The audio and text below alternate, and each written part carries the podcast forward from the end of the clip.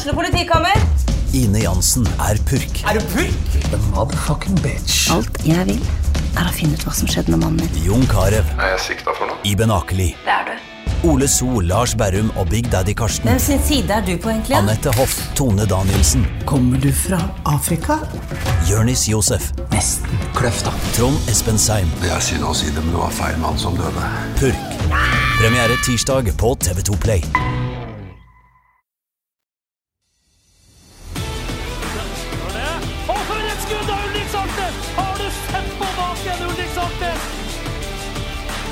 Skåring, og så skårer Bodø-Glimt.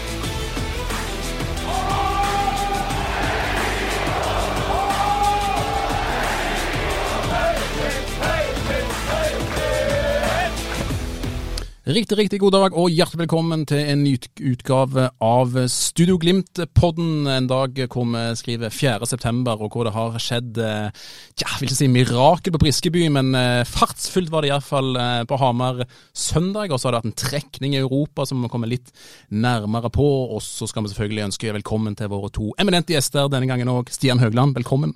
Takk, takk. Har du det bra? Ja, det fint. Har ikke blitt noe eh, ekle opplevelser på Hamar, du hadde det fint der?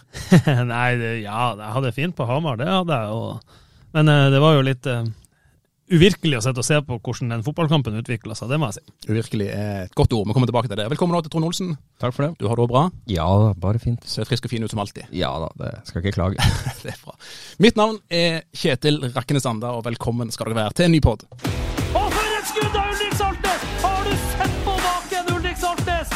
Siste ukene så har vi jo kjørt eh, noen meget hyggelige sendinger nede på eh, Sportsbaren i Bodø. Nå er vi tilbake i gamle, eh, trygge omgivelser i Anehuset. Stian, du kommer fra Hamar egentlig eh, rett før vi kom inn i studio her, og opplevde kampen på nært hold eh, søndag. Hvordan var det? Nei, det var, det var veldig spesielt. Altså, jeg syns jo Glimt eh, De slipper jo inn mål igjen før kampen eh. Eh, så syns jeg de tar tak i kampen og styrer egentlig alt. De spiller HamKam kjempelavt. HamKam gjør én ting, det er å mæle den ballen så langt unna de får han hver gang de vinner den. Og i stedet for at Glimt skårer på noen av de par tre, fire ordentlig store sjansene, skaper masse sånn halvsjanser, sånn småsjanser, så er det HamKam som skårer. Så fortsetter jo Glimt å, å, å trykke at ikke Glimt skårer før pause. Det, det tror jeg ganske mange lurer på. Og så, ja, og så kommer de ut i andre omgang, og de første 25 i andre omgang det er kanskje det beste Glimt har levert i hele 2023. Da var de outstanding. De skaper syv-åtte store målsjanser, skårer fire flotte mål. Eh, og så er det jo science fiction, det som skjer etterpå. Da ja, to dødballmål. Dødball har jo Glimt vært ok på å forsvare seg mot i år. De eh, slutter å skape så mye. De, de har jo mer enn nok sjanser til å vinne eh, uansett. Men eh, nei, det ble, det ble helt uvirkelig, og, og jeg, tror, jeg tror veldig mange ikke skjønte helt hva som skjedde. Vi skal komme tilbake til både dommer og det at Glimt gir bort så tidlige mål. Men Trond, det her med at de slipper inn fire mål, eh, hvordan ser du på det? En um, fryktelig stor svakhet har det blitt at du slipper inn eh, så mye mål, så lett. Uh, det skal så lite til for at motstanderen uh, kommer til målsjanser, og at de skårer mål. og det, Der har Glimt vært ekstremt gode de siste sesongene. I år så, så syns jeg de har mista mye ut av den defensive tryggheten og den solidheten de har hatt. Og så er det ja, det, det, det, det blir så enkelt, og, og, og, mange av målene kommer jo direkte fra avspark, nesten. du har to mot Sepsi der du eh, rekker ikke å starte kampen i andre omgang før du har sluppet inn mål. Mot Viking så slipper du inn mål på etter, etter, du har egen corner, og så er det kontring og keeperen som slår den rett i bakrommet, så skårer du. Også det, det, var kanskje en kamp til òg de slapp inn tidlig på, men um, men uansett, det, det, er noe der. Og, den, og den, det er en rød tråd av det nå, for det, det, er ofte. Og det der må de få retta opp i asap. Men hva skjer? Hva skjer? Altså, hvor, hvor, hvorfor blir det sånn, Stian? Og hva er egentlig forklaringen på at Er det ikke på stasjon, eller?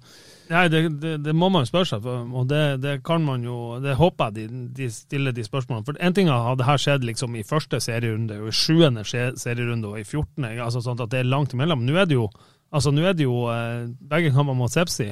Du har det nå mot HamKam, du har det mot Viking. Det er jo i løpet av de fem, siste seks-syv kampene. Altså, det er jo, altså det, det er jo blitt en trend som, som har skjedd nå nylig, og det er jo ikke bra. Sånn kan det ikke være. For klart at HamKam vet at Glimt kommer fra 120 minutter. Kom, alle vet at HamKam kommer til å komme ut i 100 og mæle den ballen, som jeg har sagt flere ganger, så langt frem de får han og skape dueller. Det HamKam er ordentlig god på. Det er jo det de kommer til å gjøre fra start. Og så, så taper man de duellene. Man slipper de inn bak seg. Eh, og så kommer man jo Brede er ikke helt tett nok på avslutninga. Så er det jo selvfølgelig ekstremt uflaks for Nikita når han går i stolpen og ryggen. Du har nå vært keeper sjøl, Kjetil. Det, det er jo sånne ting som skjer, hva du skal gjøre.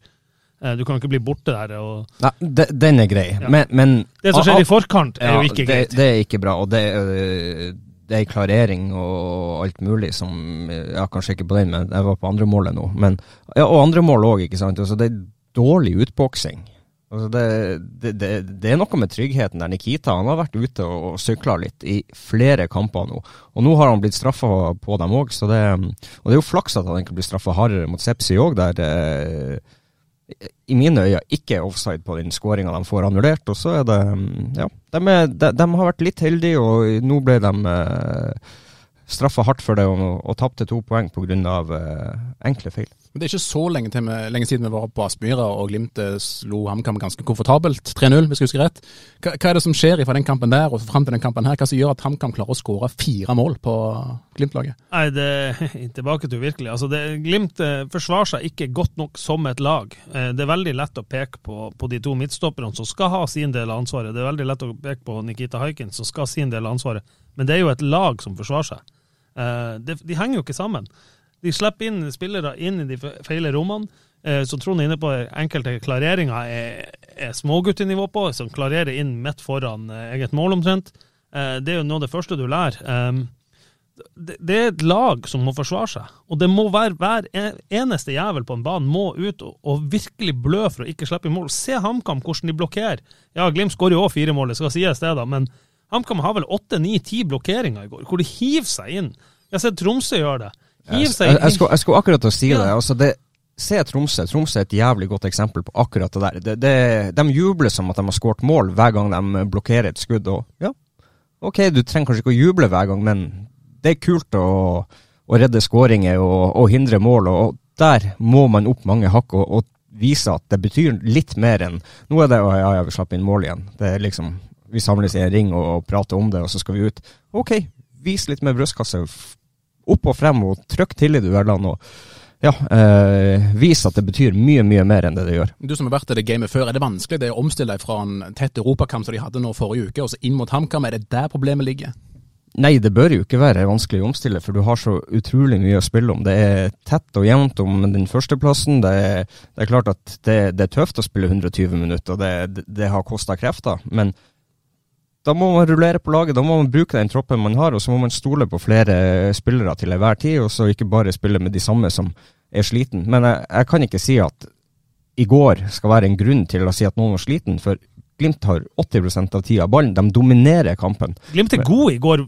Offang, altså, hvis du tar bort det som skjer inni egen boks, som selvfølgelig er det viktigste i, egen, i fotball, i begge boksene, men bortsett fra det spiller jo Glimt en god kamp i går. Ja, de, de, de dominerer kampen. De, de styrer kampen. Og så er det klart at når de leder 4-2, så er det som en bryter blir slått av, og slipper HamKam inn i kampen igjen, og det er ikke bra. Men den bryteren der, er det, ligger det en forklaring der, Stian? Tror du det er et eller annet med spenningsnivå her, eller er det bare en debatt vi skal legge død med en gang? Jeg tror ikke det går på, på verken vilje eller lyst eller, eh, eller no, noe der. Jeg tror det, det er nok litt tilfeldighet. Altså, HamKam, rett etter de får 2-4, så får de jo et, får skapt et trøkk på en del dødballer. Og det er jo spesielt når du ikke får renska unna, som Glimt gjorde i den perioden. For de hadde et par dødballer også før. Ja, men, da klarer Glimt å, å, å klarere unna, og da får ikke HamKam det trøkket. Når de får dødball på dødball på dødball på dødball, da er HamKam god. men er det tilfeldig? Vi har sett to kamper nå mot Sepsi, der vi føler at Sepsi er død og begravet. Men de står opp, og de eh, gir Glimt kamp inntil døra. og ja, eh, Glimt er faktisk heldig at de ikke taper begge kampene mot dem til, slutt, med, med de sjansene som er. Så eh, ja, du kom deg videre i Europa med et nødskrik. Så er det, det er ganske fortjent at de kommer videre, men det er allikevel det er veldig på en sånn tynn linje, på, på et hårstrå at du klarer det. Men det viktigste er at du er inne der. Men du kan ikke drive og hele tida slippe inn de her enkle målene, at du må jage, jage, jage. jage. Da blir det tøft. Det er ikke sånn som det var i 2020, der de vinner 6-7-0 og dreper 90% av kampene før det gått 60 minutter. Der er vi ikke i dag. Og du må få retta opp i det som er eh, problemet til Glimt nå, og det er det defensive. Det er det kollektive def defensive. Den struktur strukturen du har når du forsvarer deg. At du unngår å slippe uh, motstanderen inn i de rommene der du er sårbar og uh, Ja, det Ja. Øh, nå, nå, går det litt varmt i hodet her, så jeg skal prøve å slappe litt av. Men på, du blir jo litt Kjetil Knutsen her. Prater deg sintere og sintere. Ja, jeg gjør, gjør, nesten det, fordi at det, det, er så irriterende å se på når du egentlig har så god kontroll, og så klarer du å ende opp med å rote vekk ting. Men på en skala fra én til ti, hvor bekymra er du eh, for det du ser nå i forhold til det defensive og strukturen der? Jeg, er ganske bekymra, fordi at hadde det bare vært, som Stian var inne på i stad, en kamp nå og en kamp da, og det. men nå er det litt for ofte. Heldigvis er det en landslagspause nå, og du kanskje får retta opp i noen ting. Og så skal det sies, Bjørtuft var ute òg denne kampen med, med, karantene. Hvor mye har det å si? Det, det tror jeg har en del å si. Eh, og ja, eh, det har vært et sommervindu, og Glimt har forsterka med to spillere fra Junkeren. Ja, det kan bli OK-spillere av det, men eh, i mitt hode så har de feila på å finne en forsterkning i Midtforsvaret som de sårt trenger. Vi kan jo ta det som frem til sommerpausen. Altså Glimt tok pause i juni. Så var, det, så var jo Glimt suveren. Desidert Norges beste lag. Eh, Nå er det litt sånn eh, forskjellig antall spilte kamper, men fra 24. juni, når de begynner igjen, den helga de begynner igjen, så er Glimt nummer 11 på tabellen. De, de, altså Glimt har tatt på de siste ni kampene, så har de tatt 14 poeng. Eh, det forteller jo egentlig alt. hva, hva, har de gjort etter den, den sommerpausen? Eh, for eh, det er jo Altså, han Kjetil sa jo det i intervjuet med meg i går, at de traff ikke godt i forrige landslagspause. Altså, De gjør jo endringer nå, de begynner å trene på en annen måte. De begynner å trene tidlig, de endrer litt på opplegget, alle får program og sånne ting. Eh, for de må erkjenne at de ikke traff godt. Men Glimt er nummer elleve på tabellen, siste ni kampene. Nå er det noen som har spilt ti kamper i, i, i, samme tidsrom. Eh, men, og ja, Haugesund har spilt elleve, men, men allikevel. Nummer elleve på tabellen. Tenk på det. Men Det er jo en europasesong som har begynt, samtidig som de her elleve kampene spilt. Er det forklaringen? Er det så enkelt? Jeg tror ikke det er så enkelt, nei. Det er, det er en del av forklaringa. Men uh, nå, igjen, som Trond er inne på, Glimt uh, dominerer HamKam fullstendig i går. Eh, det er jo det defensive som er forklaringa på at Glimt sliter. For det er jo de baklengsmålene som gjør at de Hadde det vært sånn at Glimt, sånn som de blir på ene skåringa mot Tromsø, at de blir utspilt, så er det liksom lettere å forklare. Det er lettere å kjøpe enn de her Du føler at nå er, de, oh ja, nå, er de, nå er, de, 30 meter fra mål, nå blir det målsjanse. For det er det man føler. Det blir målsjanse hver gang de kommer nærmere mål. Så det, det 3-4 og 4-4 etter dødballer. Ok, kanskje dommeren er litt i veien, men det, du skal klare å håndtere det uansett. Og 4-4 eh, Brede, Lode og Nikita er i området rundt den ene HamKam-spilleren som står alene der og får heade den i mål. Det må være mulig å kunne plukke den ene mannen for å unngå det der. Så eh, det er mm, ja, greit at det er folk som har sona der, men du kan ikke la en mann stå alene for det. Det, det, det, må, det må, tas ut, og det er altfor alt for enkelt. Jeg vil tilbake til det du sa litt uh, forbifarten her. nå. Er, er, du kritisk? Er det, har Glimt feila overgangsvinduet nå i sommer? Er det det du mener? Jeg tenker spesielt på de her to Junkeren-spillerne som de henter. Nei, det kan være for all del det kan være spennende spillere av det, men du kan ikke forvente at de skal gå inn og ta Eliteserien og, og, spille på et topplag når de aldri har vært på et høyere nivå enn andredivisjon i Norge. Så uh, det tar tid, og det kommer ikke til å være en åpenbaring over natta. Uh, det er jo ikke de eneste Glimt henta. Vi må ta med Bassi, vi må ta med Gulliksen. Vi må ta med Nåsa er vel den som er som, som, som Ja, men alle, alle, alle offensiv. Det er én defensiv ja, ja. spiller de har henta. Det, det, det, det, det, men det er jo det jeg prøver å nyansere. Altså, når Trond sier at du er feila, så er det jo defensivt du ja. tenker på, ikke nødvendigvis du, er veldig fornøyd med et par av de offensive? Ja, det er absolutt, men, men, men, det er jo, som Stian sier, det er det defensive der. Og jeg kan ikke forstå at du ikke har uh, klart å få inn en, um, en solid stopper. Du ville hatt en stopper som kunne gå rett inn på laget? Ja, det ville jeg hatt, for uh, du, du har austa inn med penger de siste årene, og du, du, har økonomi til å kunne få tak i en god stopper. Og da må du også ikke bare være fornøyd med det du har. Du må eh, ha en som kommer inn og gir dem uh, du har der, uh, kamp om plassene og får dem opp av hakk og opp i, opp i nivå. Det, det er litt sånn som det jeg føler det med Nikitan. Og nå ble Faye Lund skada. Nå har han ingen konkurranse. De kommer ikke til å sette inn en 16-åring i, i mål. Ok, kanskje blir det enkelt for Nikita at han slipper seg litt ned på trening, kamp. Han har ikke det presset på seg, og så, så blir det et lite 5-10 eh, ned, og så er du ikke på det, det nivået som vi vant at han skal være. Så skal det sies også at Isak Amundsen, eh, hadde han vært frisk, så hadde han kanskje gått inn og gitt en hardere kamp på midtstopperplass. Og kanskje hadde han starta foran Lode i går, hvem vet. Ja, Lode har jo, har jo også vært plaga litt de siste ukene, så eh, ja, det, det kan godt hende Isak, Isak Men Isak sånn, en, Ja, men problemet her er at det der er jo ikke noe overraskelse. Vi har jo visst at Isak har vært ute siden i midten av juli. Han har vært ute hele sesongen, det ja. det hele poenget mitt. Ja. Han har vært av og på fra, fra Spania i februar. Altså, Isak Helsa Amundsen har ikke fått trent regelmessig over tid hele sesongen. Han har hatt en grusom treningssesong. Så at han er løsninga, er jeg ikke helt sikker på det. Nei. Så, Ikke nå. Han kan være det til neste år, ja, men ikke nå.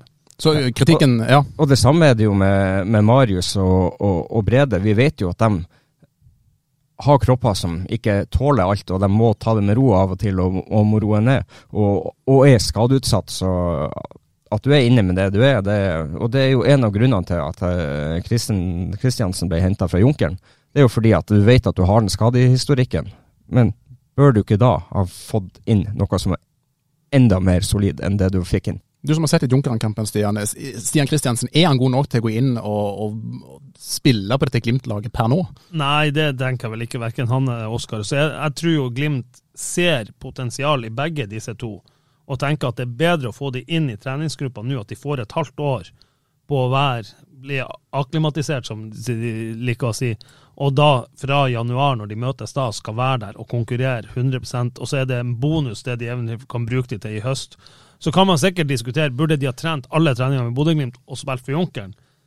Det kan man sikkert diskutere. Det er ikke sikkert det er en veldig god løsning verken for Glimt eller Junkeren. at uh, Da må du ta hensyn til det i treningshverdagen. Når skal de trene med Glimt, når skal de trene med Junkeren? Så jeg tror jo, Og så er det nok, som Trond er inne på, så vi vet Brede, hva skjer hvis Brede får en strekk nå og Marius må ut? Da står du igjen med Isak med den sesongen han hadde, og Odin Bjørtuft og Ulrik Saltnes som kan spille stopper. Stian, Stian Kristiansen. Jo, jo, men det er, det sier, det, det er derfor du, du, du, du velger å ha han der. Det er en spiller du har kjempetrua på. Kanskje ikke nødvendigvis for at han skal inn og, og så spille nå, men kanskje til neste år. Så får også han venstrefot, da. Så jeg tror de har veldig trua på, på Stian Kristiansen, men jeg tror det er litt for tidlig i år. Og så er det ganske, i hvert fall sånn sett fra utsiden, så er det ganske oppsiktsvekkende at Glimt henter to spillere fra andredivisjon på så kort tid. Altså, hadde det ikke vært, altså Min påstand hadde det ikke vært for at det var Junkeren, så er det ikke sikkert man hadde henta to spillere fra andredivisjon. Eller Ja, Det er jeg helt enig i. Jeg tror ikke de hadde henta disse hvis de hadde spilt for uh. Sotra, for eksempel. Ja. Det tror jeg ikke. Nei? Trond? Nei, jeg tror heller ikke det. Og det er litt sånn eh, Ja, vi har henta i lokalmiljøet, og vi har fått frem spillere her òg. Men, men igjen, de skal få sin, sine muligheter og sjanser til å til å vise hva, hva som bor i dem og hva de kan, og det er ikke noe vondt imot dem, men eh, det er heller mot det nivået vi ønsker at Bodø-Glimt skal være på, og hvilken hylle vi har sett at Glimt har henta spillere på de, de siste overgangsvinduene, og som du da eh, havner i andredivisjon og henter spillere, når du vet hvor prekært det er, spesielt defensivt i forhold til det med skadehistorikk og skader, så, så overrasker det meg. Ja, og bare helt enig i som Trond sier her, det, dette er jo ingen kritikk av verken Stian eller Oskar, som jeg har kjempetrua på kan ta dette nivået. Men de må få tid. Og De er ikke noe unge heller. Nei, nei da, men eh, de er ikke gamle på noen måte heller. Så skal vi huske at begge to mista jo et helt år. Altså, 2020 spilte de jo ikke fotball, for da var det jo koronanedstengt. Så, så, eh, så altså, dette er overhodet ingen kritikk av de to guttene. Og jeg, jeg har kjempe, igjen kjempetro på at disse to kan hamre på døra til neste år.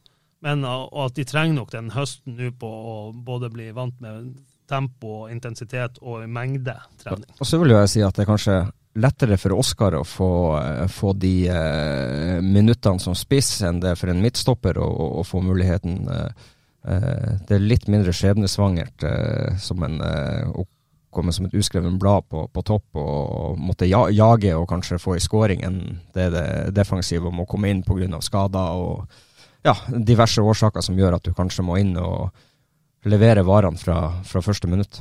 Jeg tror iallfall fall vi kan konkludere med at våre to eksperter i studio er litt som betenkt om at vi ikke burde hatt inn en midtstopper til i Glimt dette vinduet her. Og for et skudd Jeg måtte ta en eh, liten jingle der, for jeg mistenker at det neste temaet kommer til å prate en stund eh, om, og en del om, selv om det omhandler kampen i går. Eh, og Det var bra engasjement i studio her så langt, og vi skal videre til en fyr som òg hadde veldig bra engasjement i mixzone i går, nemlig Kjetil Knutsen. Vi skal høre bitte litt av det som han sa til deg, Stian, i går. Og så er det eh, for meg eh, eh, hva, nivået vi skal ha på ting. Hva, hva er fair, play? Vi kan begynne der. Hva er fair play? Er det alt tillatt? Absolutt alt tillatt. Inni hvert eneste kast er frispark til Glimt. Som fører til corner, som fører til skåring. så kan du si ja, det er bagateller. Men det er faen ikke bagateller. For det, det, er noen som må sette standarden for hva som er lov og ikke lov. Og det blir, og så forsvinner dialogen. Det går ikke an å ha dialog med fjerdommer, det går ikke an å ha dialog med dommer. Hva faen er det her for, da? Det, det er jo, det er, jo det, det, det, er min tilnærming til det i dag. Eh, og så skal vi allikevel ikke slippe inn det målet på corner, eh, f.eks. Og jeg syns vi ikke er like gode å holde det. Det var bare et lite utdrag det her, Stian, ifra han eh, mildt sagt irriterte Kjell Knutsen i går. og Han var ikke den eneste som var irritert heller. Du snakket med Fares Pemi, som var usedvanlig eh, Eh, løs på avtrekkeren, for å si det sånn, i, i den måten. Og Ulrik Saltnes var kritisk til dommer eh, Sigurd Kringstad. Eh, skal for ordens skyld si at vi har invitert både Kringstad sjøl og representanter fra NFF her i studio i dag. De hadde ikke mulighet til å komme, så, så har vi sagt det. Men hvor vi skal begynne hen, Trond. Hvordan vurderer du dommeren i går og den prestasjonen hans, og deres? Jeg vil bare begynne med at Glimt kan takke seg sjøl for at de ikke vinner den kampen. og mm, hadde det samme fokuset vært hvis Glimt hadde vunnet 4-2? Det tviler jeg på. Uh, men uh, Er det bevisst for å ta fokuset bort fra egen prestasjon? Nei, det tror eller? jeg ikke. Jeg tror, jeg tror uh, Kjetil oppriktig er forbanna og frustrert over det. og Jeg kan forstå at det til tider er vanskelig å holde en kommunikasjon og en dialog med, med dommerteam. De kan være de kan være hva skal jeg si, avvisende og ikke så mottakelige for, for, for diskusjoner underveis i kampene, og det, det er jo for så vidt uh, forståelig, det. Men uh, jeg syns ikke det er så ille dømming i går som, som de skal ha det til. Ta oss og Oppsummer oss for oss, Stian. Hva er det de er kritiske til Glimt, stikkordsmessig? Det er jo uh, måten Faris Pemi ble, ble, Mombanga blir behandla på i boks. Så er han jo, som Kjetil sier senere i intervjuet, der at uh, han er jo ganske uvøren. Så en del av de frisparkene han får mot seg, er jo 100% korrekt. Og han kunne også sikkert ha fått et gullkort på et par av de.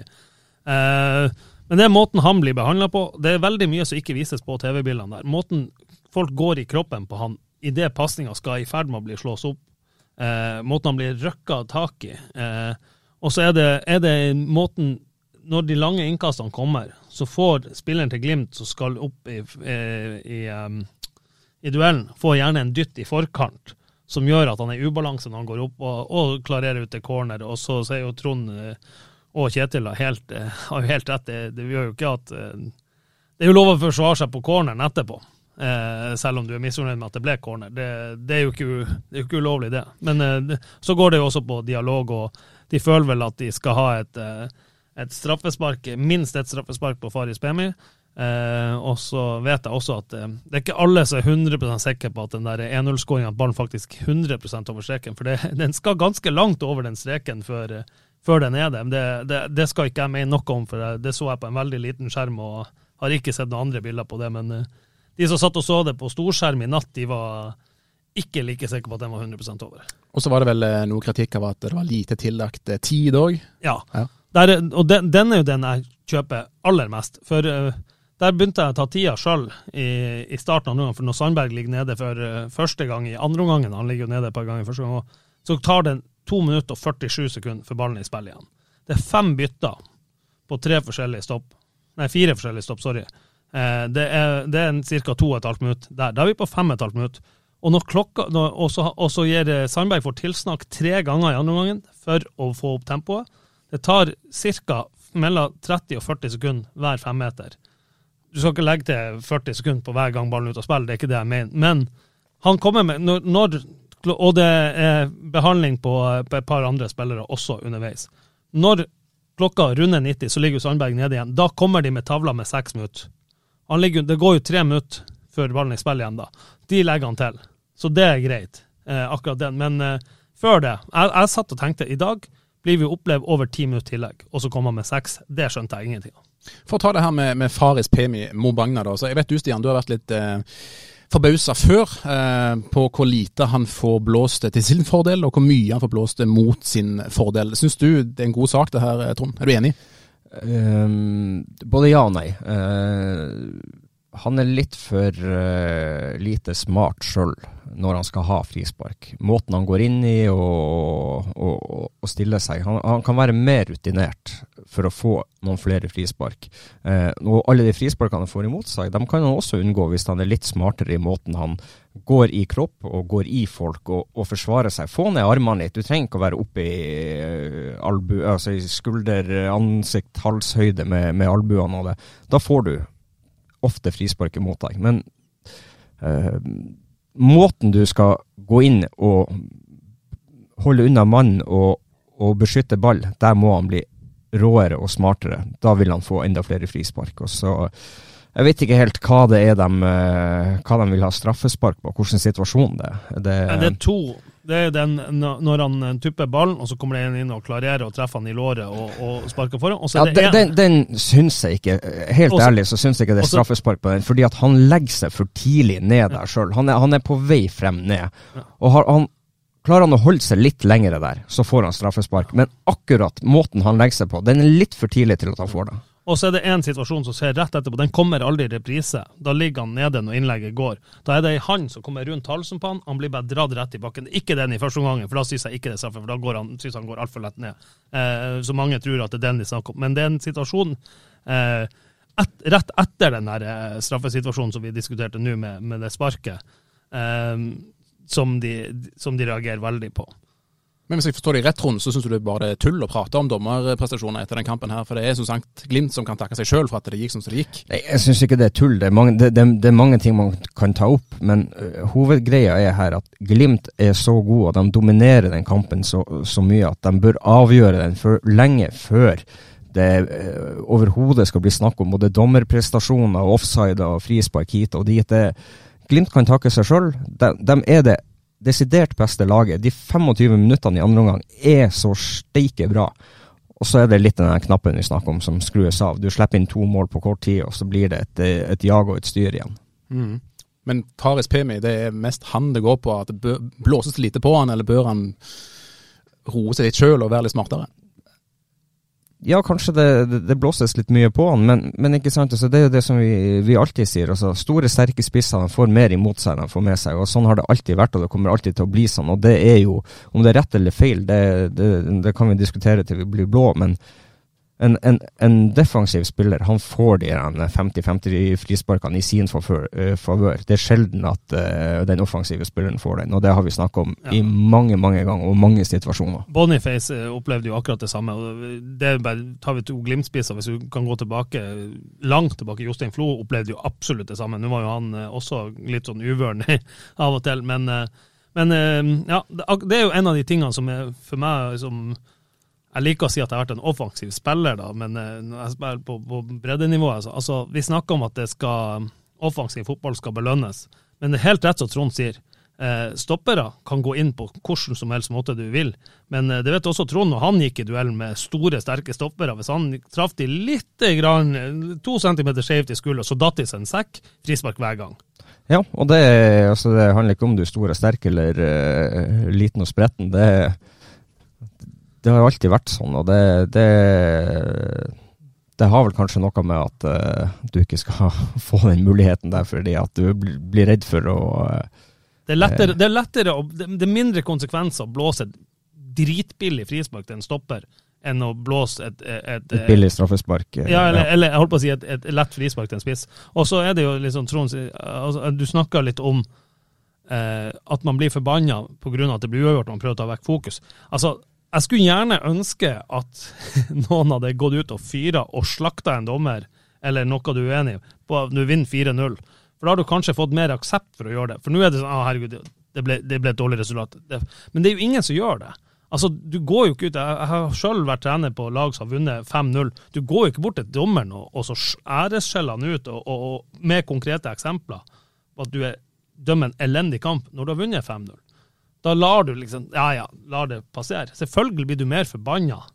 Og selvfølgelig du et, har du et annet adrenalinnivå. For Glimt sitter jo igjen i, i går og føler at de hiver vekk to poeng, som de gjør. Eh, selvfølgelig er du mer forbanna da enn hvis de har vunnet 4-2, eller 5-4 på slutten. Så hadde jo også da vært mindre fokus på dommeren, tror jeg. Kanskje man bør ha mer fokus på prestasjon på dommeren, uavhengig av resultat. Sånn som Glimt har vært så fryktelig god på det siste. Ja, det, det hadde ikke gjort meg noe. Men, men så skal man jo selvfølgelig, det, det gjelder uansett eh, i verden, man skal gjøre det med respekt. Man skal ikke Ja, ikke Saga i biter. Nei, Du må i hvert fall ha konkrete eksempler. Ja, du, du, du må ha konkrete eksempler, og du må være, altså, du må være fair, og du, du må ta det på en ordentlig måte. Altså. Det, du kan jo bare gå til uh, Brann Sarpsborg i går, ikke sant. Der har du et eh, veldig godt eksempel. Det, det er et skudd som blir blokkert i brystet og går i armen. Ja, det er hands og det er straffespark, men det er ikke noe gult kort. Ikke, han skal ikke få sitt andre gule kort og bli utvist. Det er et konkret eksempel du kan ta, øh, om du vinner eller taper. og det er, sånne ting som eh, For, for, um, for Sarpsborg så blir jo det da et, en dobbel straff som gjør at de nesten, Det er nesten umulig for dem å ta igjen eh, den 1-0-ledelsen, selv om de har en kjempesjanse på slutten. Og Men miste, det, og miste spilleren i neste kamp også. ja.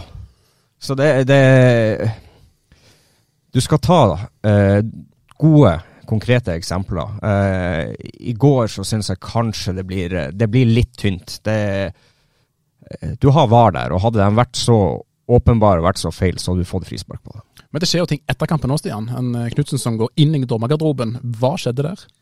Nei, han eh, tror jeg er i klartekst ganske tydelig på hva han syns om prestasjonen til Kringstad.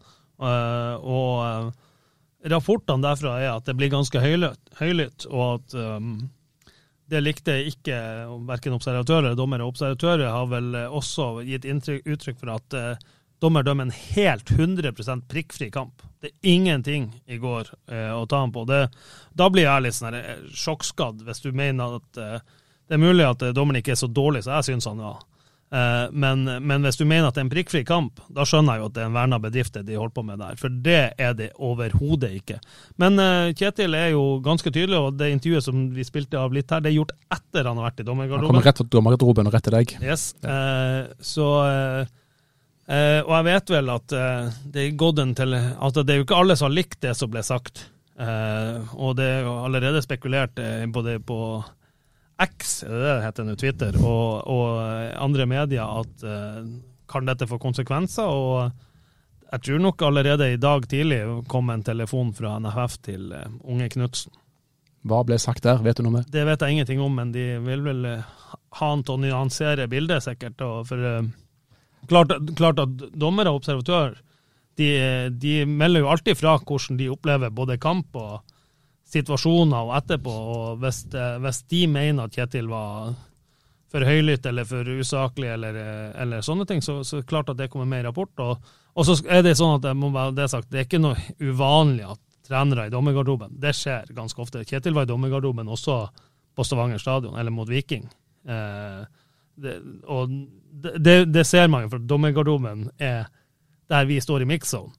Men på Aspmyra ser vi jo det aldri, for vi er jo ikke i nærheten av dommergarderoben. Så jeg tror nok det skjer ganske ofte på Aspmyra også, at dommer, eh, trenere er inne og snakker. Og, og vet jo, det vet jo Trond nå, at det, det har jo kommet frem flere ganger at spillere er inne og snakker med dommere etter kamp eh, og, og spør hvorfor fikk jeg det kortet, eller sånne ting. Så det, det er ikke sånn, det er ikke det er ikke en revolusjonerende nyhet at trenere eller spillere er i dommergarderoben. Nei, det er ikke det. Eh, og det, og det hender stadig vekk at de er med det. Men det er jo måten du går inn dit på, måten du prater til dommerne, om måten du også Hvis du da står og river kjeft og eh, ja, har ei eh, litt dårlig holdning overfor dem, så, så er jo ikke det det heldigste du kan gjøre. Men eh, det går an til å prate konstruktivt og eh, ta gode eksempler og kreve forklaring på dem, så, så kanskje du kommer litt lengre. Så, det, så er det jo bedre at de gjør det si, innenfor under fire øyer i dommergarderoben. Nå er det jo litt flere øyer der, men det er nå innenfor fire vegger. og enn at de står og så river av seg det mest forbanna i mix-on, selv om det er artigere for oss at de gjør det Så i mix-on. mye bedre at de gjør det hos oss. Jo da, men nå, nå er det jo som du sier, at det, det er flere som ikke har likt det. Og det, da er det jo noen tegn der på at det kan ha gått litt tett for seg. Men hva tradisjon har man i Norge for å straffe trenere i etterkant av sånne utblåsninger? Eh, Og hva kan man risikere av eh, sanksjoner da, Trond?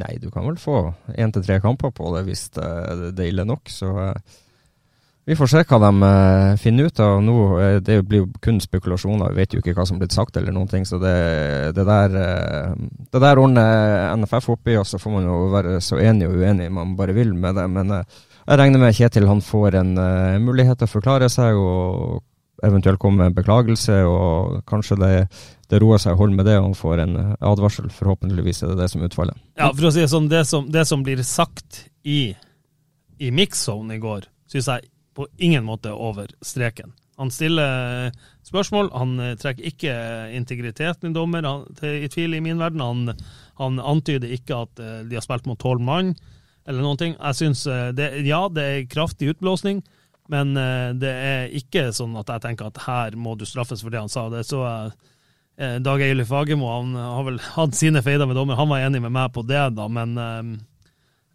Men så er det jo hva ble sagt i dommergarderoben, da.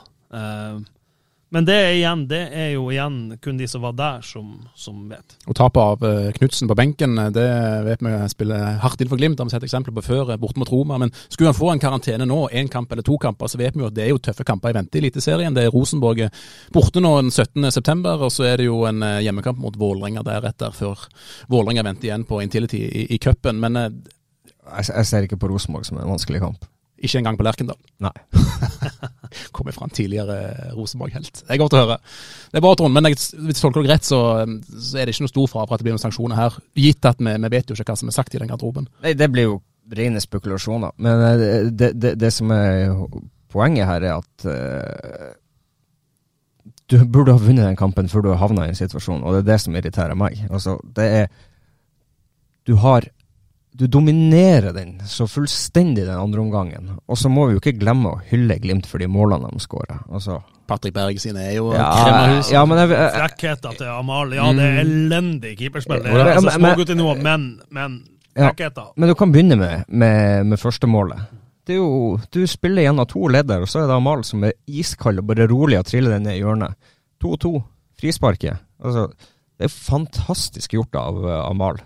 Og så er det jo en keeper da som er uh, mindre smart. Han går og stiller seg på stanga eller foran stanga og sier vær så god, Amal, skyt i det lengste hjørnet. Og en smart spiller, han ser det, at oi, keeperen står langt ute, de bør chippe han over. Det, men all ære til Amal, for det er fantastisk gjort. Men det keeperspillet der hadde vært min keeper, jeg hadde revet av han hodet. Og så spille på eh, 2-3. Altså, det er fantastisk gjort. Legg ut. Klink han opp i nærmeste hjørne. Og eh, fire- nei, 2-4. Det, det er jo bare å ta seg av hatten for de, de skåringene. Er- Du, du spiller skjorta av HamKam og skårer fire fantastiske mål. Og så ender du opp med å drite ut på to dødballer.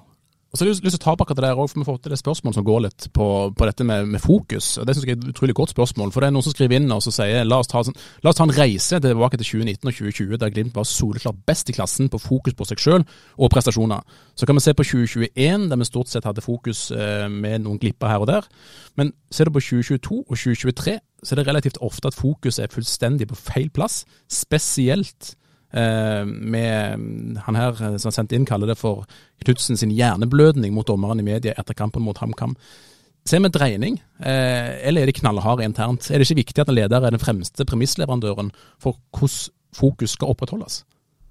Jo, det kan du si. Eh, altså, jeg opplever eh, jeg har opplevd at Kjetil har vært ganske knallhard i evaluering, også både i 2019, 2020 og 2021. Altså, eh, så han kanskje vært litt um, roligere når han kom i mix-zone, da, men, men eh, ja, det kan godt hende at det er litt over streken i går, men jeg føler ikke Glimt har mista fokus. Det gjør jeg ikke. Trond? 2019, 2020, 2021. Glimt ble ikke tatt like alvorlig som blir gjort i 2022, 2023. Og når med en gang Glimt, eh, Glimt begynner å glippe på noen ting, så er alle interessert i å arrestere dem, og derfor blir det blåst opp mer. Så det er noe Glimt må håndtere og leve med. Men det er vel Knutsen sjøl som velger fokus han vil ha etter kampen. Er det fokus på egen prestasjon, eller er det fokus på ting som han ikke får gjort noe med, som de har dyrka så sinnssykt i den klubben der? Jeg tror det der er en kombinasjon av at han er jævlig forbanna på eh, måten du slipper inn mål på, måten du ikke klarer å forsvare deg på, og måten du klarer å rote vekk to poeng i går. Jeg tror det samt at det er noen avgjørelser der han ikke er enig. Kombinasjonen av det gjør at han blir så forbanna. Det er ikke et fryktelig godt poeng. Altså Hvis en, hvis en spiller ser at treneren går ut i media og har fokus på noe helt annet enn det som Glimt kan gjøre noe med, er det ikke mye lettere for en spiller enn noe å miste fokus på det han skal ha fokus på? Nei, jeg, jeg mener ikke det. De, de, er så rutinerte i det gamet, og de burde, burde skjønne det at eh, det hjelper ikke å, å stå og rope i etterkant. Det, det har de prøvd før, og det mislykkes de med i fjor, før cupfinalen. Og da så vi hvordan den cupfinalen ble. Da, det ble veldig mye styr i den perioden der, og da fikk du en down. Eh, kom dere videre, det, det, det, det hjelper ikke nå. Det, som skjedde i går, det, er gjort. Og så er det klart at det, er ting å være forbanna på. og det det er situasjoner der som kunne vært blåst på, og må ikke være blåst på. Så det Du er nødt til å bruke denne landslagspausen godt, og så må du være veldig veldig godt forberedt på det som kommer utover høsten. For det blir en lang, tøff og viktig høst. Du Stian, du som er så tett på eh, Glimt. Eh, er du trygg på at det fortsatt er prestasjon og utvikling som er i fokus der? Ja, de er i hvert fall eh, opplært at det er det eneste de sier. Jeg opplever ikke at de det, det, er mulig at jeg er helt nedsnødd, men, men, jeg opplever fortsatt at det er det som Og det snakker de om i Mixon i går. Både Patrick, Ulrik, eh, Kjetil snakker jo om Eh, DNA og, og den, det de Måten de snur den kampen, måten de står i det, måten de, de skal fremstå som Bodø-Glimt, og det gjør de jo eh, offensivt i, mot dem, måten de snur kampen på. Så, så er det selvfølgelig alle som spiller fotball, vet at måten å, å, å, å gi vekk en tomålsledelse er når du tror at du har alt i lomma, da får du noe ekstra tenning og adrenalin, adrenalin, som eh, må ut. Men det er klart at de står og sier det. De sier at de har fokus på uh, prestasjon, utvikling og, og, alt det der. Men de ser tabellen, og de ser at lagene kommer bakfra. Og de ser at de har et mye større press, og det er mindre komfortabelt enn det var for uh, en måneds tid siden. Det er det absolutt. Jeg har lyst til å komme med en bitte liten brannfakkel før vi legger fra oss HamKam. Jeg, jeg vet ikke om jeg tør å si det engang. men jeg, jeg, skal ikke legge det fram som kritikk, men jeg vil gjerne høre hva dere to eh, tenker om det. Og Det er en ting som jeg har sett eh, eh, flere ganger denne sesongen her, når Glimt er bortebane. Og de skal hylles, og de har blitt hylla, og de skal bli hylla enda mer, eh, supporterne til Glimt. Men når man ser supportere på bortefeltet sitte på kamp, en liten gruppe som står, og resten av gruppa sitter. Er det kritikkverdig? Er det greit, eller hva tenker dere? Syns det er 100% innafor at ikke absolutt alle som går og setter seg på bortefeltet til Bodø-Glimt, eh, er komfortable med å stå og hyle og skrike og synge. En barnefamilie som har lyst til å dra på kamp, f.eks., må få lov å sette seg ned. Eh, eh, hvis det er noen som er kjempeglad i Glimt, som ikke tør å stå og synge, så kan det være første steg for å tørre å begynne å synge. Det er bare å gå på Aspmyra for noen år siden, så var det ingen på den tribunen vi sitter på, Trond, på gammeltribunen, som sang i det hele tatt. Nå står de og drar i gang egne sanger. Det handler om å bli trygg, eh, hvis du ikke er der nok. Og, så jeg syns heller vi skal hylle de som tør å stille seg i front og dra i gang og synge av full hals. og vet man at kanskje folk dras med etter hvert, litt etter litt. Jeg kan si det så enkelt at uh, for noen få år siden så var, det så var, det knapt noen som tok på seg gule effekter og gikk på kamp. Nå er det 90% av stadion, og det sier sitt.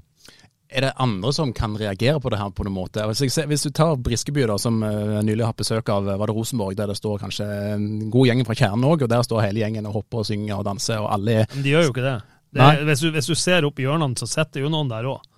Altså, det, det, er jo, det, i, et, altså, I ethvert supporterfelt så er det jo ikke alle som bidrar like aktivt. Det, det er min 100 klare men, men, men, hva andre gjør, det, det driter vi Altså Det, det er Glimt-supporterne, at de møter på kamp, at de kommer dit og støtter laget om de står eller sitter eller ligger, det driter vi Så lenge de er der og gir en støtte til laget som de trenger. Og det er ikke alltid at uh, alle må stå og rope og skrike og høye. Uh, det er det som Stian sier, det, det er det ene skrittet som fører til det andre. Og over tid så kanskje de står til slutt der fremst.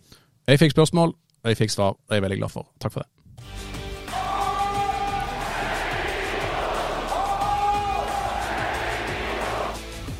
Bare se på, jeg har hissa på meg hele supportermiljøet til Glimt nå. Det Jeg tror skal ikke du skal stå på J-feltet. Eller sett deg på J-feltet neste gang. Du kan ikke gå og sette deg der. Det var ikke kritikk, det var et åpent spørsmål. Jeg lurte lite grann.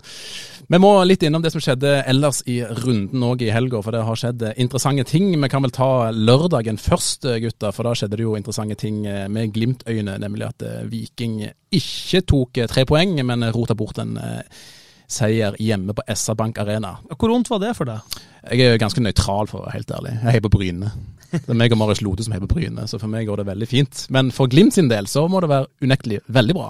Ja da, og Vålerenga viser igjen at de, de, har tatt eh, enorme steg defensivt og, og klarer å mure igjen. Og så var det litt sånn tegn på at Viking, idet de tar ledelsen, plutselig begynte å skulle forsvare noe. For da var det jo spill mot ett mål etter det. Da var jo Vålerenga klart best. Om det er Viking som bare trekker ut gassen og prøver å forsvare seg, eller om det er Vålerenga som bare tenker at nå har vi ingenting å å spare på og slippe slipp løs alt. Det, det, kan sikkert være en kombinasjon, men eh, det var litt sånn overraskende. og Jeg tror ikke vi blir å se det veldig mange ganger resten av sesongen fra Viking. Det er veldig spekulativt, men vi har jo hatt ei seiersrekke ut av ville verden fra Viking. Men begynner man å se nå at eh, kan bli en tung høst og vinter for Viking?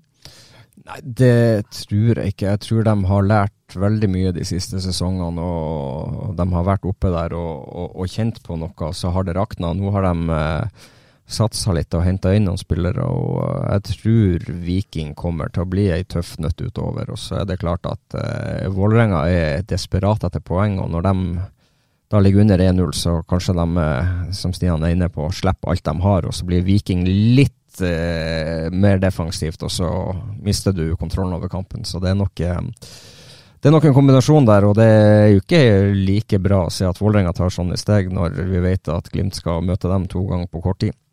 Helt korrekt. Ålesund-Lillestrøm 1-1. I den grad man snakket om Lillestrøm var en tittelutfordrer tidlig i sesongen, så er det bare begravd og ingen trussel der, verken på medalje eller gull i det hele tatt. Ålesund tar poeng, men eh, er vel ganske in deep shit, for å bruke det uttrykket, uansett. Brann Sarpsborg 08 1-0. Grei den, Trond? Ja, det er jo det, er jo det røde kortet der som er noe å diskutere, diskutere der. Brann er kjempeheldig i den kampen. Jeg, jeg fulgte Radiosporten, og, og, der var det Sarpsborg, Sarpsborg, Sarpsborg. Brann var hadde, De hadde ingen skudd på mål før det andre straffesparket. For de får jo to straffespark. Bård Finne setter jo ett i tverrligger. Eh, eh, og når Heltene Heltne Nilsen setter inn 1-0 der på straffa, det første skuddet Brann har på mål. og Det er jo et stykke ut i kampen. og Som Trond var inne på i sted, Sarpsborg har jo en gigantisk mulighet til å utligne også etter de får rødkortet. så der var Brann heldig. De merka nok de 120 minuttene sine på torsdag ganske greit, de òg. Brann er ikke avskrevet ennå, er ni poeng bak eh, Glimt og, og, Viking på topp. Så eh, kan bli edelsmetall i Bergen i år. Det får tiden vise. Haugesund-Molde 1-2. Sterkt av Molde? Ja, det er et bra resultat for dem. Sterkt og sterkt. Eh, skal du være oppe i toppen, så, så skal du slå Haugesund borte. Uh, ja. Uh, jeg fikk ikke så veldig mye fulgt med på den kampen. Jeg fikk med meg at Berisha endelig skårte der for, for, dem igjen, så det det Solid prestasjon er vel det. Ja, det Job well done, burde ja. vi opp til å si. Og Det betyr jo at Molde stadig knepper innpå. Er åtte poeng bak Glimt og Viking på topp, så Molde er ikke avskrevet på noen måte. Skal møte, skal møte både Glimt og Viking, de. Ja. Det skal de. Godt poeng. Odd Sandefjord 3-2. Ikke spesielt interessant for oss. Gods eh, Stabæk 2-1. Og så da, Tromsø-Rosenborg 3-1. Tromsø ser seg ikke tilbake, altså. Ja, Godset Stabæk, der er vel kanskje trening, tre, trenersparking på vei, ryktes det vel om. Uh, at uh, Bohin mest sannsynlig er ferdig. Jeg vet ikke om det er blitt bekrefta nå? Det er ikke bekrefta, men uh, Men ryktene går i hvert fall. Og, og det det kan jo bli litt interessant i forhold til uh, de lagene i bunnen der, hvilken effekt det vil få, og hvem som kommer inn. Det har vel vært noen rykter om Astar Karada, så ja, vi får, um, vi får se der. Men, det får vi se. Ja. ja. absolutt. Og så var det Tromsø-Rosenborg 3-1. Ja, Tromsø var vanvittig sterk. Det, det å stå på den kampen der, så, så var, uh, var, Tromsø meget god og vinner helt fortjent. har noen flotte skåringer òg, så det det, det, det Tromsø-laget der, det har tatt eh, veldig, veldig med, med steg det, det, siste året. og Det, det er imponerende å se. og det På mange måter eh, litt sånn som Glimt. De bygger stein på stein og eh, har tatt, eh, tatt, store steg. Og det er jo klart at uh, skulle de plutselig havne i, i, muligheten til å komme seg ut i Europa til neste år, så, så kan det jo bli mer penger der oppe òg. Og det, det, hadde jo vært veldig artig med to uh, nordnorske lag i europeisk fotball og, og, og som kan knive, knive litt og, og, gjøre hverandre bedre. Etter din smak så har det kanskje vært for mye Tromsø-hyllest i denne potten her, Stian? Ja, de fortjener jo all hyllest de, de, de, har fått, for de har vært steingode i år. Men um, om jeg liker det, det er jo en helt annen sak. og registrerer jo at nå når de har fått penger, så de slutta å kjøpe, nord, kjøpe nordnorske. Nå kjøpte de bare søringer, som, som de har klaga på Glimt gjør. Men, men nei, da, Tromsø fortjener all hyllest. Det Gaute Helstrup, det han, jobben han og teamene hans gjør der oppe, er, er rett og slett spinnvill. Og måten de slår tilbake på etter en 0-4 i Sarpsborg, og burde vel ha leda 4-0 til pause mot Rosenborg, ifølge rapportene. Og, det, var, det var ett lag på banen der. Det, det er råsterkt. Eh, det er det. Så får jeg heller glede meg over at Mjølner vant sin andre kamp på rad eh, i helga. så Det er det jeg bryr meg om. Tromsø er tre poeng bak Viking og Glimt nå, så det er spennende i toppen. Og det er fint for eh, norsk fotball og produkter at man kan ha litt spenning.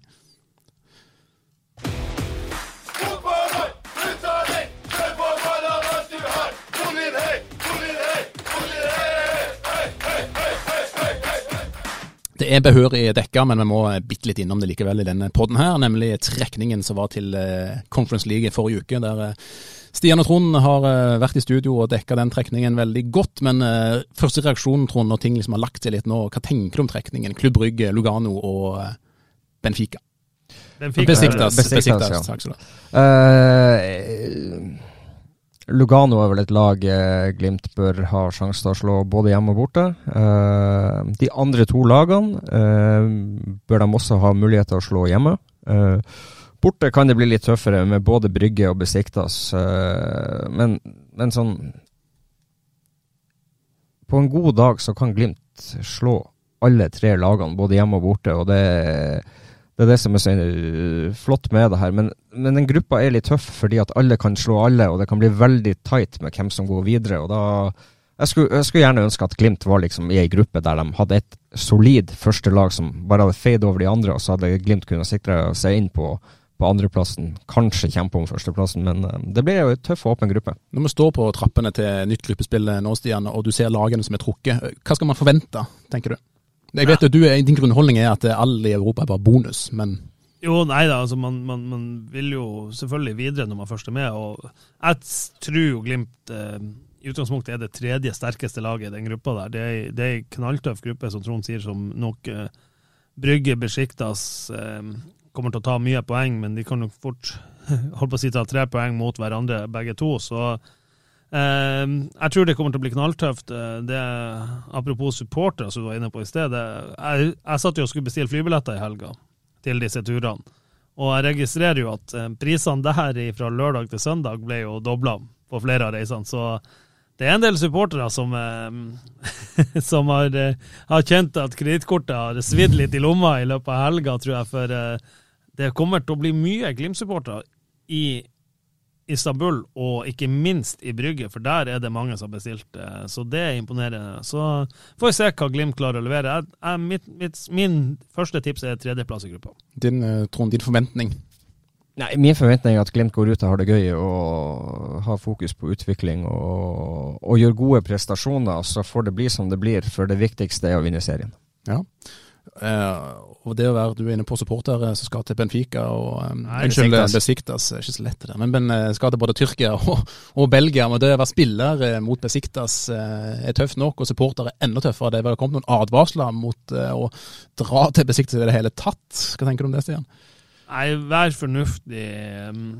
Hold Glimt-drakten skjult når du beveger deg. Det, man har jo vært andre plasser hvor den samme advarselen har kommet, og så får vi håpe at tyrkiske fotballfans oppfører seg. For um, dette skal være en fotballfest. Det er ingenting som er artigere enn europeiske kamper. Og det er ingenting som er artigere når det er to supportergrupper som, som leverer. Jeg håper Besikta-Svendsen kommer hit og tar alle de 404 plassene de har på, på Aspmyra, og lager et steike liv der. For da blir de også J-feltet og resten av Aspmyra blir bedre det, når de skal eh, svare på dette. Det så vi bare når Bohemian svarer. Ja, og det er jeg helt enig med Stian. Altså de, de hjemmekampene der, og at du får lag som trekker mye fans til Bodø, det er kult. For det, det gjør noe ekstra med den ramma der. Og um, ja.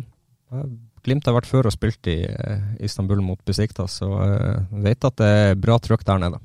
Og så er det jo en, en kul trekning òg i så måte at vi får uh, Vettelsen tilbake, Sinkernagel tilbake til Aspmyra. Det blir sikkert et vanvittig rørende gjensyn både for de og for sporterne. Nei, Det håper jeg ikke. Jeg håper de blir sendt hjem som slakt. Hva tenker dere om datoene? Har det noe betydning for hvordan det trekker det her, hvordan de skal spille? Åpner altså borte mot Lugano 21.9, og så er det Klubb Brygge hjemme, og så er det Besiktas hjemme. Besiktas borte, så er det Lugano hjemme, og så avslutter vi Klubb Brygge i desember. Jeg registrerer at Glimt før, når de har vært i Europa, så har de ofte spilt bortekamp påfølgende søndag og dratt rett fra Roma til Haugesund og sånne ting. I år så har Glimt hjemmekamp etter alle bortekampene. Selvfølgelig ikke etter den siste, da, det, da er det vinter eller ferie.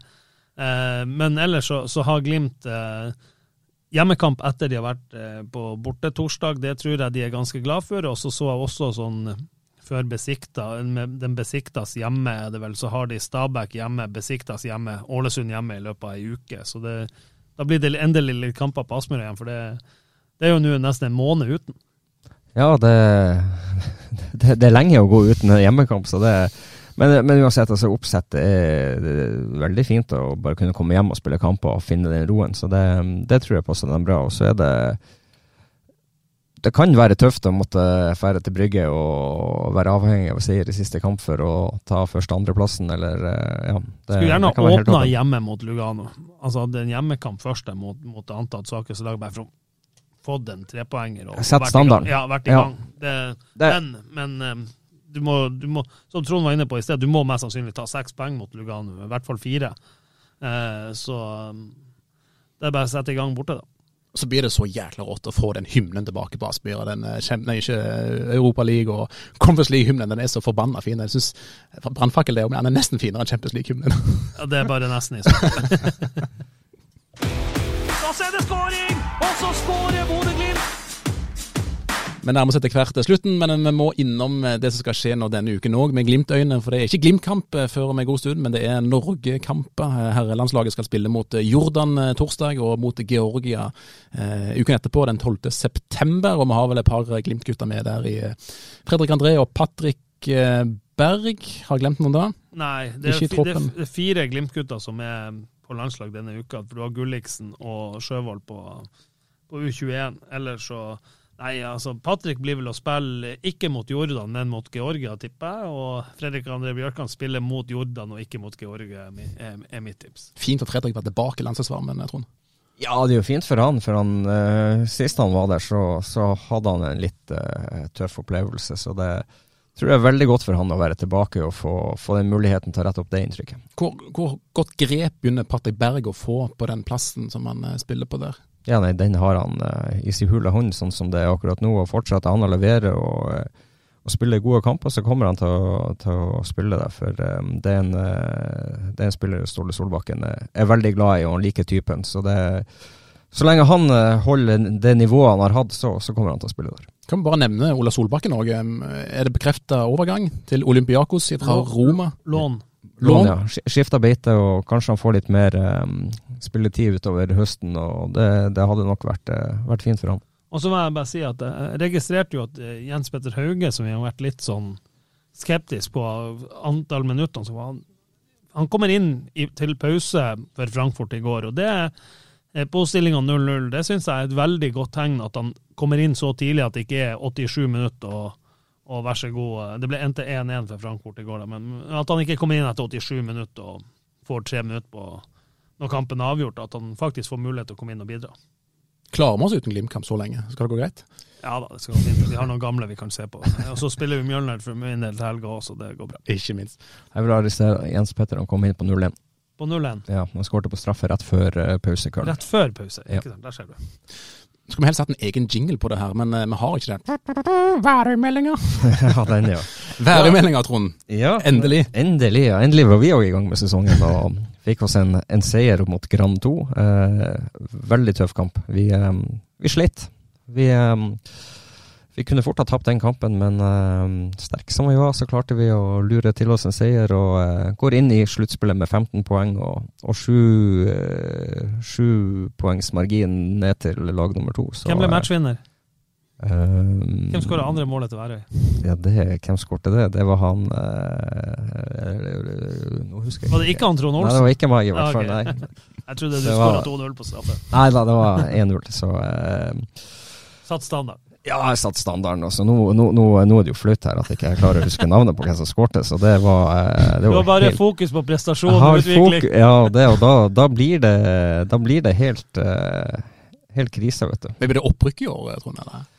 Ja, kan jo. Vi ligger jo, vi ligger jo veldig bra an til, til, å gjøre det. Vi har, eh, Når sluttspillet starter nå, så, så, så, leder vi med sju poeng, det, og det er fem kamper. og vi trenger tre seire, så ja. Vi har ti av ti så langt, så jeg ser ikke noen grunn til at vi skal slutte å, å vinne kamper. Men vi vet at vi møter de fem beste lagene nå, og da, da blir det tøffere. Sigurd Jacobsen skåret ja, forresten. Jeg skulle, akkurat spørre, ja. vil du vite hvem som skåra? Nei, jeg trengte bare litt tid på å, å, å tenke. Og med opprykk da går spillende trener Trond Olsen inn i knallharde kontraktsforhandlinger. Han skal ha ny kontrakt på bordet. Ja, det blir to kilo lutefisk. Kjempebra. Vi har akkurat runda time, gutter. Er det noe dere vil eh, legge til før vi takker for oss? God helg, sier de. God helg, sier du. Jeg sier fortsatt god uke. Ha en god fornøyelse med landskampene, og så ses vi og høres til flere Glimt-kamper. Når, når, når, kommer neste pod? Neste pod eh, kommer i hvert fall neste uke. Det skal vi love. Ha en riktig god dag. Ha det fint.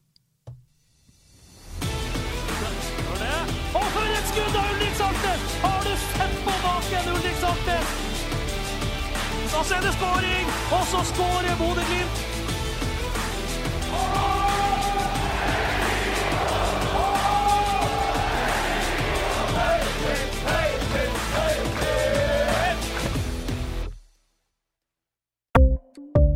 Ukens annonsør er HelloFresh. HelloFresh er verdens ledende matkasseleverandør og kan være redningen i en travel hverdag. Mange av oss har nok vandret i butikken både sultne og uten en plan for middagen, som ender med at vi går for de samme kjedelige rettene gang på gang. Middag burde være dagens høydepunkt. Som Hello Fresh kan du nå velge mellom 25 ulike retter hver eneste uke, eller få Hello Fresh til å sette sammen menyen for deg. Dette gir deg muligheten til å prøve nye og spennende retter alene eller sammen med familien. Du velger antall porsjoner og får alt levert på døren på et tidspunkt som passer for deg. Oppskriftene er enkle, og maten er lett å lage både for store og for små. Ved å få alt levert hjem får du også mer tid til å dele matgleden med familie og venner. Kanskje det frister med asiatiske tacos eller greskinspirert kylling? Da kan jeg anbefale deg om å gå inn på hellofresh.no. Her kan du bruke koden FOTBALL og få opptil 1779 kroner i rabatt på de første fem matkastene hvis du ikke har prøvd Hello Fresh tidligere. Du kan også bruke rabatten hvis du har vært kunde og stoppet abonnementet ditt for tolv måneder siden eller lengre. Gå inn på hellofresh.no og bruk koden FOTBALL. Har du et enkeltpersonforetak eller en liten bedrift? Da er du sikkert lei av å høre meg snakke om hvor enkelt det er med kvitteringer og bilag i fiken, så vi eh, gir oss her, vi. Fordi vi liker enkelt. Fiken superenkelt regnskap.